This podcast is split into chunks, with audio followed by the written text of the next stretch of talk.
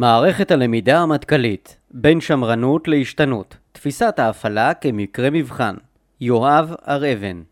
מתוך בין הכתבים גיליון 2 שינוי והשתנות. מבוא. לקראת סוף שנת 2013 אישר הרמטכ"ל רב אלוף בני גנץ את מסמך האב התפיסתי הראשי אסטרטגיית צה"ל תפיסת ההפעלה התפיסה שמגלמת תהליך ממושך חותרת לשקף באופן תמציתי את המציאות האסטרטגית שבה פועל צה"ל ולנסח את העקרונות העיקריים להפעלת כוח צה"ל ולבניינו בעידן הנוכחי. בדיונים לאישור התפיסה ברמות השונות לרבות בפורום בראשות הרמטכ"ל עלו שוב ושוב שאלות יסוד לגבי עצם הצורך בתפיסת יסוד מסוג זה ולגבי מטרתה, מה בין תפיסת ההפעלה לבין אסטרטגיה, למי היא נועדה, האם אפשר בלעדיה, אין זו הפעם הראשונה ששאלות מסוג זה עולות. הדיון בצורך בתפיסה כזאת חוזר אחת לכמה שנים, בעיקר משחזר צה"ל לעסוק בכתיבה ובניסוח של תפיסת הפעלה ואסטרטגיית פעולה. מאמר זה לא נועד לספק תיאור היסטורי בדבר התפתחות התפיסה הצה"לית ואופן כתיבתה, מטרתו לנסות ולעמוד על מקומה של תפיסת ההפעלה בצה"ל בשנת 2014, בהנחה שדיון בפיתוח התפיסה ובאופן כתיבתה יוכל לספק לנו הבנות בדבר מערכת הלמידה הצה"לית. ברור אפוא שאין לי עניין לדון בתכנים המובאים במסמך תפיסת ההפעלה אסטרטגיית צה"ל, אלא לדון בשאלה האם מנגנון גיבוש תפיסות היסוד ברמה האסטרטגית והמערכתית הוא מערכת למידה מועילה, אפקטיבית דייה.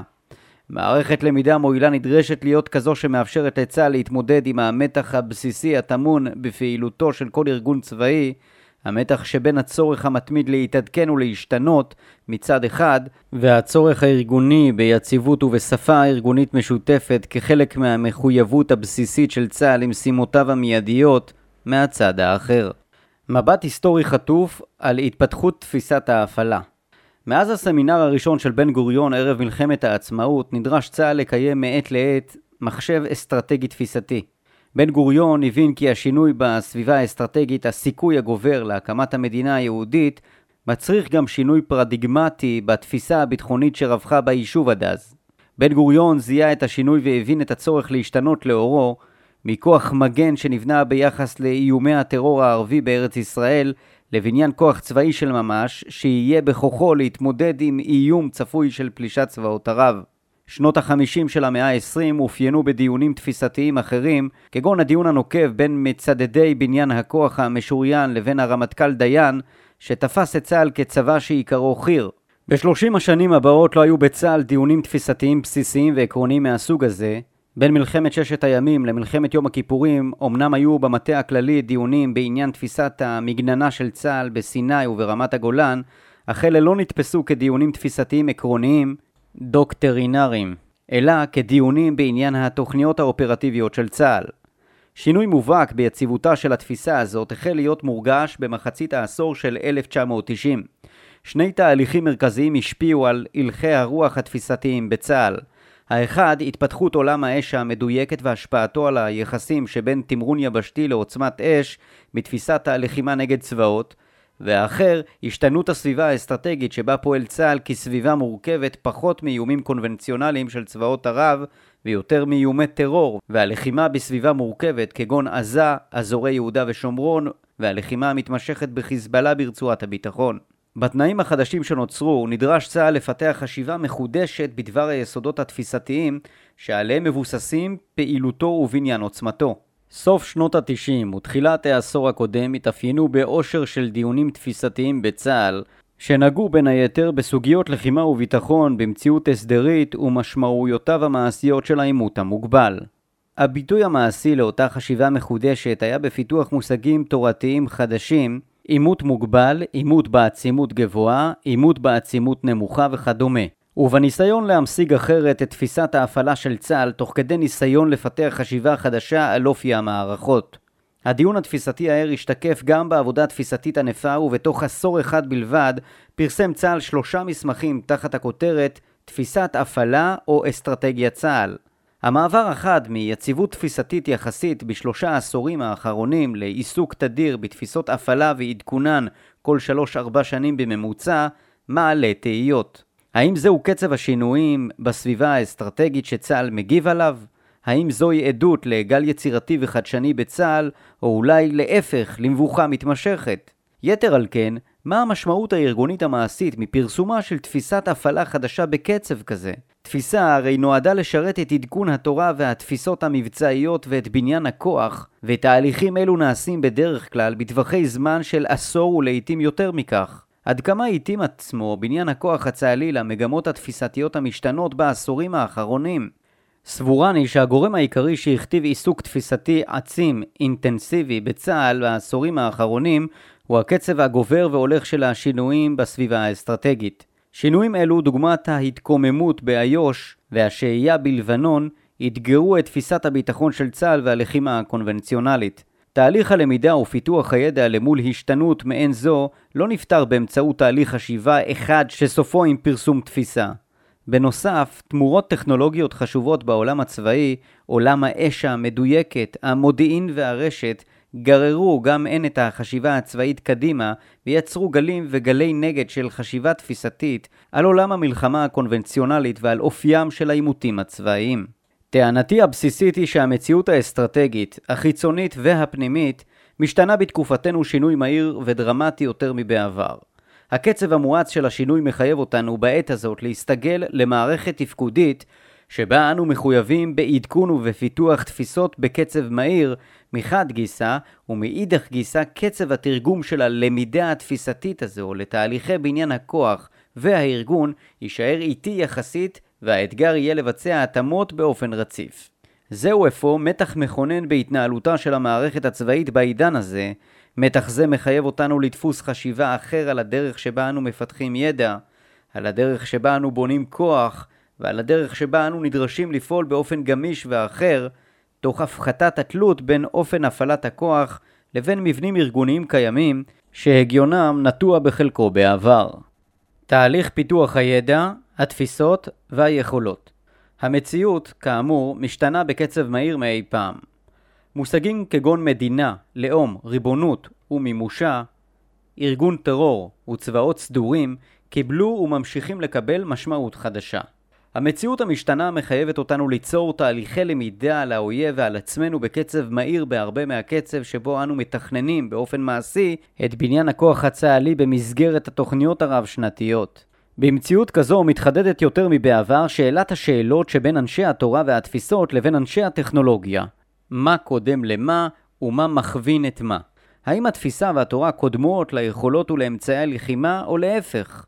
בעבר, גם כאשר הקדימה הטכנולוגיה את התפיסה, היה בידינו די זמן לפתח תפיסה תואמת. דוגמה טובה לכך היא פיתוח תפיסת הפעלת האש המדויקת בצה"ל. ראשית, התהליך בהזדמנות טכנולוגית שבלטה בשילי שנות ה-70 ובמהלך שנות ה-80 של המאה ה-20, פרק הזמן הארוך של ההתפתחות הטכנולוגית אפשר לפתח פיתוח אוחר מעט, אך מקביל בעיקרו של תפיסה. משך הזמן הארוך להבשלת היכולות המעשיות ולגיבוש התפיסה יצר אפוא תנאים לתהליך של השפעה הדדית בין האפיק הטכנולוגי לאפיק התפיסתי. יש שיטענו שהתהליך היה כה ארוך, עד שכשהושלם לבסוף השתנתה כבר המציאות האסטרטגית ואיום המתקפה המשוריינת של האויב על גבולותינו חדל מלהיות רלוונטי. כך או כך, התהליך ההוא הביא לידי פיתוח מושכל של תפיסת הפעלה ויכולות מבצעיות ובנה עוצמה צבאית חדשה. הניסיון מלמד שידענו למצות את העוצמה והיכולות גם בנסיבות אסטרטגיות חדשות שנוצרו במהלך שנות ה-90 וה-2000, השונות בתכלית מהמתאר שתוכנן. מה ניתן אפוא ללמוד מניתוח התהליך הזה?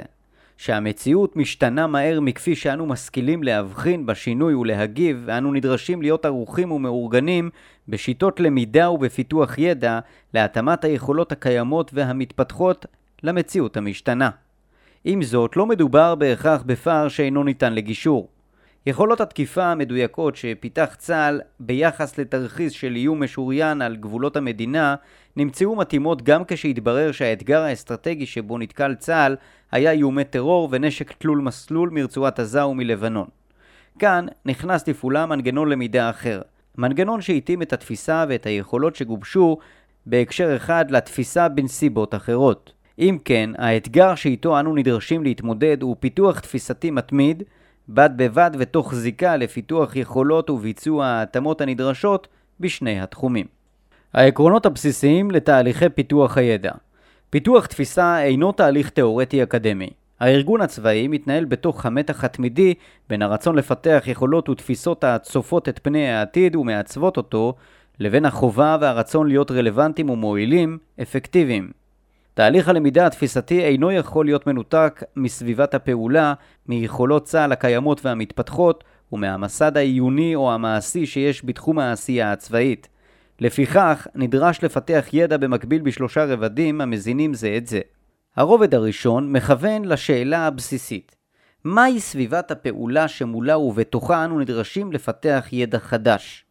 סביבת פעולה זו אינה מסתכמת רק בניתוח מודיעיני צבאי פשוט של יכולות וכוונות האויב. הניתוח חייב לבחון את כל ממדי ההשתנות הן בסביבת הפעולה של האויב ככוח צבאי, אך גם ולא פחות חשוב מכך, בסביבת הפעולה שבה האויב חי ומתפקד. רובד זה כולל גם ניתוח לא פחות חשוב של ההשתנות בסביבת הפעולה של צה"ל. הצורך בהבנת מסגרת הציפיות של המדינה, הממשל והחברה, אודות גבולות הלגיטימיות של הפעלת הכוח והסיכונים שהמדינה מוכנה ליטול, תחת ההבנה ששיקולי הדרג המדיני נובעים הן מצורכי פנים והן מלגיטימציה בינלאומית. הרובד השני, היכולות הקיימות והמתפתחות. רובד זה חייב להיות תמיד בבסיס פיתוח הידע, תחת הנחה כי אין מדובר בפיתוח ידע לשמו אלא לשם הפעלת כוח אפשרית. מיפוי היכולות הקיימות, הן יכולות אמצעי הלחימה, הן התורתיות והן התפיסתיות, חיוני לשם הבנת הקיים והכוונת היכולות העתידיות. הרובד השלישי, מנעד האפשרויות להפעלת הכוח לתכליות פעולה שונות. רובד זה מתבסס על שני הרבדים הקודמים ועל מסגרת תהליך פיתוח הידע שבו אנו נדרשים לנסות ולהגדיר מהן תכליות הפעולה האפשריות ומהן הנגזרות לתכליות אלו בתחום הפעלת הכוח ובניינו. סוגיה מרכזית בתהליך פיתוח הידע היא סוגיית ההובלה והשותפים לתהליך. היבט אחד בתחום זה הוא ההיבט הרב-זירתי. צה"ל פועל במציאות של פעולה בו זמנית בחזיתות נפרדות ביניהן יש שונות אך בה בעת מתקיימים גם קווי דמיון בין אתגרי הזירות השונות. לכאורה נכון שתהליך הלמידה ופיתוח הידע יהיה תהליך מטכ"לי מרכזי אחד, הנשען ונסמך על קווי הדמיון שבין הזירות. תהליך מרכזי שכזה עשוי ליצור לכידות, קוהרנטיות, ארגונית מיטבית בצה"ל, שפה משותפת ובהירות רבה. בתהליך מרכזי מסוג זה יש גם פוטנציאל חשוב בפישוט השיח האסטרטגי שבין צה"ל לבין הדרג המדיני, הן בתחומי הפעלת הכוח והן בבניינו. במציאות רצויה ושאינה מצויה, אוטופית, ייתכן שזה אכן הדבר הנכון לעשותו, אולם המציאות המורכבת שבה אנו פועלים אינה מאפשרת תהליכי פיתוח ידע ריכוזיים בלבד. צה"ל בחר לפעול בשיטה שונה מנימוקים שונים והוא פועל במקביל מול זירות הפעולה השונות לומד ומפתח את הידע מולן באופן שוטף ובו בזמן. הפיקודים המרחביים הם המפקדות המרכזיות המפתחות את הידע התפיסתי של צה"ל ביחס לזירות. הזרועות הן הגופים שייעודם לפתח את התפיסה הדיסציפלינרית להפעלת הכוח ביבשה, באוויר ובים ובתחומים נושאיים נוספים, מודיעין, לוגיסטיקה וכדומה. המורכבות שנוצרת במערכת זו של מערכות למידה מבוזרות מגדילה את הסיכון לכך שהידע שמתפתח יישמר במסגרות המצומצמות בלבד. בתוך מערכות הלמידה המרחביות והמקצועיות הללו עשויים להתפתח שפה וידע שהם נחלתם של אלו שעסקו בו בלבד. מקור עוצמתו של כוח צבאי מודרני הוא בשילוב הכוחות ובהבנה משותפת של כל המפקדים לגבי המטרות והגישות העקרוניות של הפעלת הכוח. אשר על כן, שונות אפשרית כזו בין מפתחי הידע ובניינו לבין כל היתר, עלולה ליצור ביום פקודה פערים בלתי סבירים עד כדי יצירת משבר תפקודי חמור בין הרמות השונות. מכאן החשיבות הקריטית בבניית מערכת למידה מורכבת, אשר מצד אחד מאפשרת לפתח את התפיסות במפקדות הראשיות השונות, ומאידך מפגישה את מערכות הלמידה הללו ומייצרת מעין מערכת למידה משותפת מוסכמת ומסכמת אחת, מערכת מטכ"לית של מערכות הלמידה הזרועיות והפיקודיות. נדרש אפוא לוודא שבתהליך פיתוח הידע יהיה בסיס מערכתי משותף לכל. מכאן נובע העיקרון שלפיו כל תהליכי פיתוח הידע חייבים להיות מבוססים על שלושה רכיבים אלה. הראשון, תשתית ידע בסיסית אחת, קרי, תפיסת ההפעלה של צה"ל, שאמורה להיות עם תורת הלחימה של צה"ל, אבן הראשה של כל התהליכים. לשון אחר, תפיסת ההפעלה היא תפיסה המאפשרת לקיים בסיס משותף לכל תהליכי הלמידה. היא אומנם אבן הראשה, אך היא בהחלט יכולה להשתנות ביחס לידע חדש שנוצר בתהליכי הלמידה העוטפים אותו. השני, מערכת למידה מרחיבה. מוביל התהליך מטעם הרמטכ"ל צריך להבין כי הוא מחויב להסתכל מעבר לגבולות הגזרה הפיזיים של משימתו ואחריותו המוגדרת בתפקודו היומיומי. במקביל נדרשת שותפות של גופי מטה כללי ויתר מפקדות הפעלת הכוח בתהליך פיתוח הידע. השלישי, שיתוף ושיח. פיתוח ידע תפיסתי מובהק מחייב את המפקדות להיוועד ביניהן באופן רוחבי, זרוע האוויר והחלל ופיקוד מרחבי למשל, ובאופן בין-מדרגי, פיקוד מרחבי והמטה הכללי. מפגשים אלה נועדו לשתף ידע ולסכם תובנות שצריכות להשפיע על תהליכי הפעלת הכוח ועל תהליכי בניין כוח נדרשים הן לטווח המיידי והן לטווח הארוך. בין תיאוריה למעשה כמו בכל ארגון גדול, ואולי אף יותר מבארגונים עסקיים, הארגון הצבאי מקיים חסמים מובנים המקשים עליו לפתח תהליכי למידה של ממש, וצה"ל אינו שונה בעניין זה מצבאות אחרים. גישה צינית מול חוסר מעשיות. חשיבה תפיסתית היא תהליך ארוך, מופשט יחסית, שהקצה המעשי שלו נתפס כרחוק ועמום. הארגון הצבאי ניכר במחויבות לביצוע שנתפסת כערך. על רקע זה אפשר להבין מדוע נשמעים לא אחת גם קולות ציניים בנוגע לתהליכי פיתוח ידע שכאלה.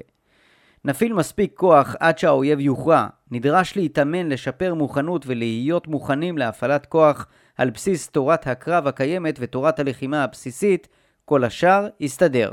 מעבר לעניין הכללי של תרבות המעשיות, משקפת גישה זו גם את המחויבות הייחודית לצה"ל למוכנות מיידית מוכנות שנתפסת כנתונה תחת איום כאשר הארגון מתפנה לחשוב חשיבה פתוחה על העתיד, לא כל שכן להשקיע בכך משאבים חסרים. סגירות בין גופים שונים בתוך הצבא לא אחת מתעוררת שאלת המחויבות לתהליך של מי שאינו שותף לו. פעמים רבות מתבצעים תהליכים מרשימים בגופים מסוימים. תהליכים אלו הם אינם מוצאים את דרכם החוצה, עלולים להוביל לתחושת ניכור. הבעיה מחמירה כאשר נוצר רושם שלפיו במהלך תהליך הלמידה הזה נוצרה שפה תפיסתית חדשה שאינה משותפת לכל צה"ל. שפה חדשה שאינה משותפת עלולה ליצור בעיה מובהקת ביום פקודה בקרב כל מי שאינם שותפים לידע, ויותר מכך, מי שאינם שותפים לשפה החדשה הזו. בהקשר לכך, אחת הטענות שנשמעו בתום מלחמת לבנון השנייה הייתה שתפיסת ההפעלה שפורסמה בשנת 2006 בלבלה את הכוחות בשל השפה החדשה שיצרה שפת האפקטים, שפה שחלחלה לפקודות הטקטיות אף שלא נועדה לכך. לכאורה, הפתרון הוא פשוט, חבר את האנשים, ודא כי הם שותפים. אלא שלמרבה הצער הדברים אינם כה פשוטים. אחת הסיבות העיקריות לפערים שבין התיאוריה לבין המעשה קשורה במחויבות הארגונית החלקית בלבד לתהליכי הלמידה האלה ולתרבות הלמידה בצה"ל. תרבות ארגונית לאורך השנים השכיל צה"ל להקים ולמסד מערכת למידה ותרבות ארגונית של חקירה ולמידה על האויב. ישנו אגף שלם בצה"ל, אגף המודיעין שזה ייעודו.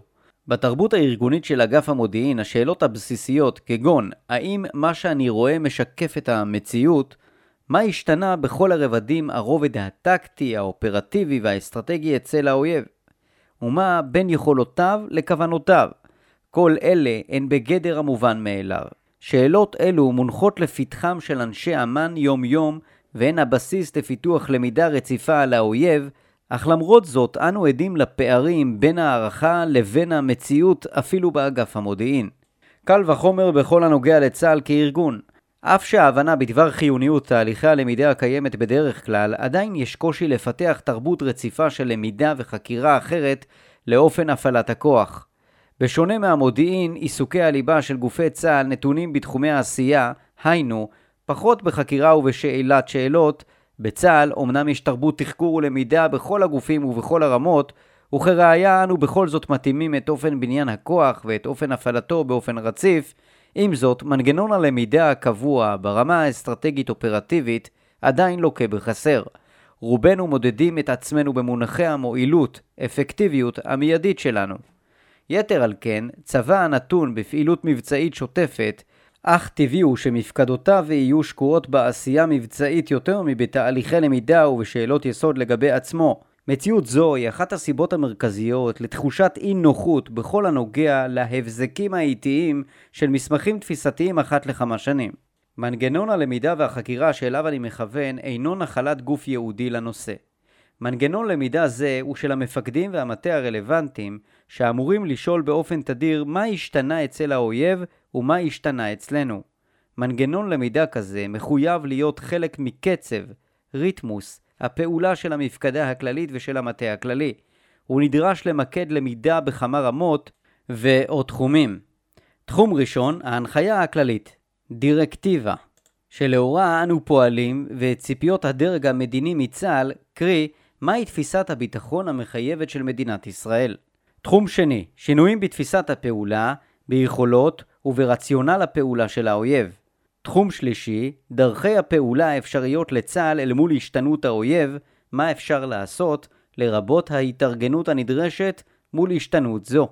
תחום רביעי, זיהוי הפער בין ההישג הנדרש לבין כיווני ההתפתחות של האויב, על מנת להכווין את בניין הכוח שלנו לא רק לאמצעי לחימה, אלא גם לתורת לחימה, לתפיסות מבצעיות ולארגון. למידה מסוג זה אינה חד פעמית, יתר על כן, התשובות שהשבנו היום אינן תקפות לעד, ונדרש לבחון אותן באופן איטי. המתנגדים להצגת הדברים בדרך שבה הוצגו, אפשר שיעלו שתי טענות מרכזיות. האחת, שבאופן עקרוני כך אנו פועלים, והאחרת, שונה במהותה, שעיסוק יתר בלמידה ובבחינה של דרך בניין הכוח והפעלתו, וניסיון לבחון מה נדרש לשנות, מערערים את היציבות הבסיסית הנדרשת מארגון צבאי, שמשימתו המרכזית היא להיות מוכן ליום פקודה. בשתי הטענות יש מן הצדק והתשובה היא לרוב עניין של מינונים. לתפיסתי, לאורך השנים לא צעדנו כארגון כברת דרך מספקת בשכלולה של אותה מערכת למידה מתמדת, שיטתית ומועילה נחוצה לנו. בשם היציבות ובכפוף להבנה הנכונה של מורכבות הארגון, אנו נוהגים תדיר שלא לחשוב ולפתח בשיטתיות את אונת פיתוח הידע והלמידה שלנו, בעיקר ברמה המערכתית. הצורך שלנו כמפקדים לשדר יציבות ולהגדיר עוגנים קבועים לפקודינו ובראש ובראשונה למקד את העשייה ולהיות דרוכים ומוכנים למתארי לחימה שעלולים לפגוש אותנו בכל רגע נתון, יש בו פוטנציאל משתק ביחס לפונקציית הלמידה. למידה זו כוללת באופן בלתי נמנע מרכיב של התבוננות ביקורתית כלפי עצמנו. זהו מצב מורכב למפקדים לחיות בו זמנית בשני תחומים. התחום שבו אנו יוצרים מוכנות מיידית ותחושת ביטחון בעוצמתנו, והתחום הביקורתי שבו אנו חושפים את טורפותינו בעצמנו, כדי שנהיה מסוגלים לחשוב על מענה עתידי רלוונטי יותר. לבסוף, הרצון לגבש תוכניות התעצמות מעשיות רב-שנתיות, מורכבות ועתירות ממון, גם הוא מושך אותנו תכופות לעולמות היציבות והשמרנות. מה עושים אפוא בדבר המתח המובנה שתואר לעיל? בין הצורך להיות מוכנים למלחמה של מחר בבוקר לבין הצורך להשתנות. כיצד יוצרים מערכת למידה וחשיבה אסטרטגית לפיתוח תפיסות פעולה ותפיסות בניין כוח חדשניות ללא ניתוק מהמחויבות למשימות של מחר בבוקר. התשובה על כך טמונה בהבנה כי ברמה האסטרטגית לעולם נידרש לחיות בשני ממדי זמן ובשני תחומי חשיבה. כיווני המענה בכתיבת תפיסות ותורה צבאית נהוג לבחון את תקיפותו של מסמך על פי שלוש רמות. טיוטה רשמית, מסמך ארעי, מסמך קבוע. בעת כתיבתם, היעד של הכותב הוא להשלים מהר ככל האפשר את תהליך הפיכת הטיוטה הרשמית, מעמד של מסמך שנכתב אך אינו מחייב, למסמך ארעי, מעמד של מסמך מחייב שבתוך חודשים מספר יש כוונה לחתום עליו סופית למעמד מחייב, ולבסוף, למסמך קבוע מחייב.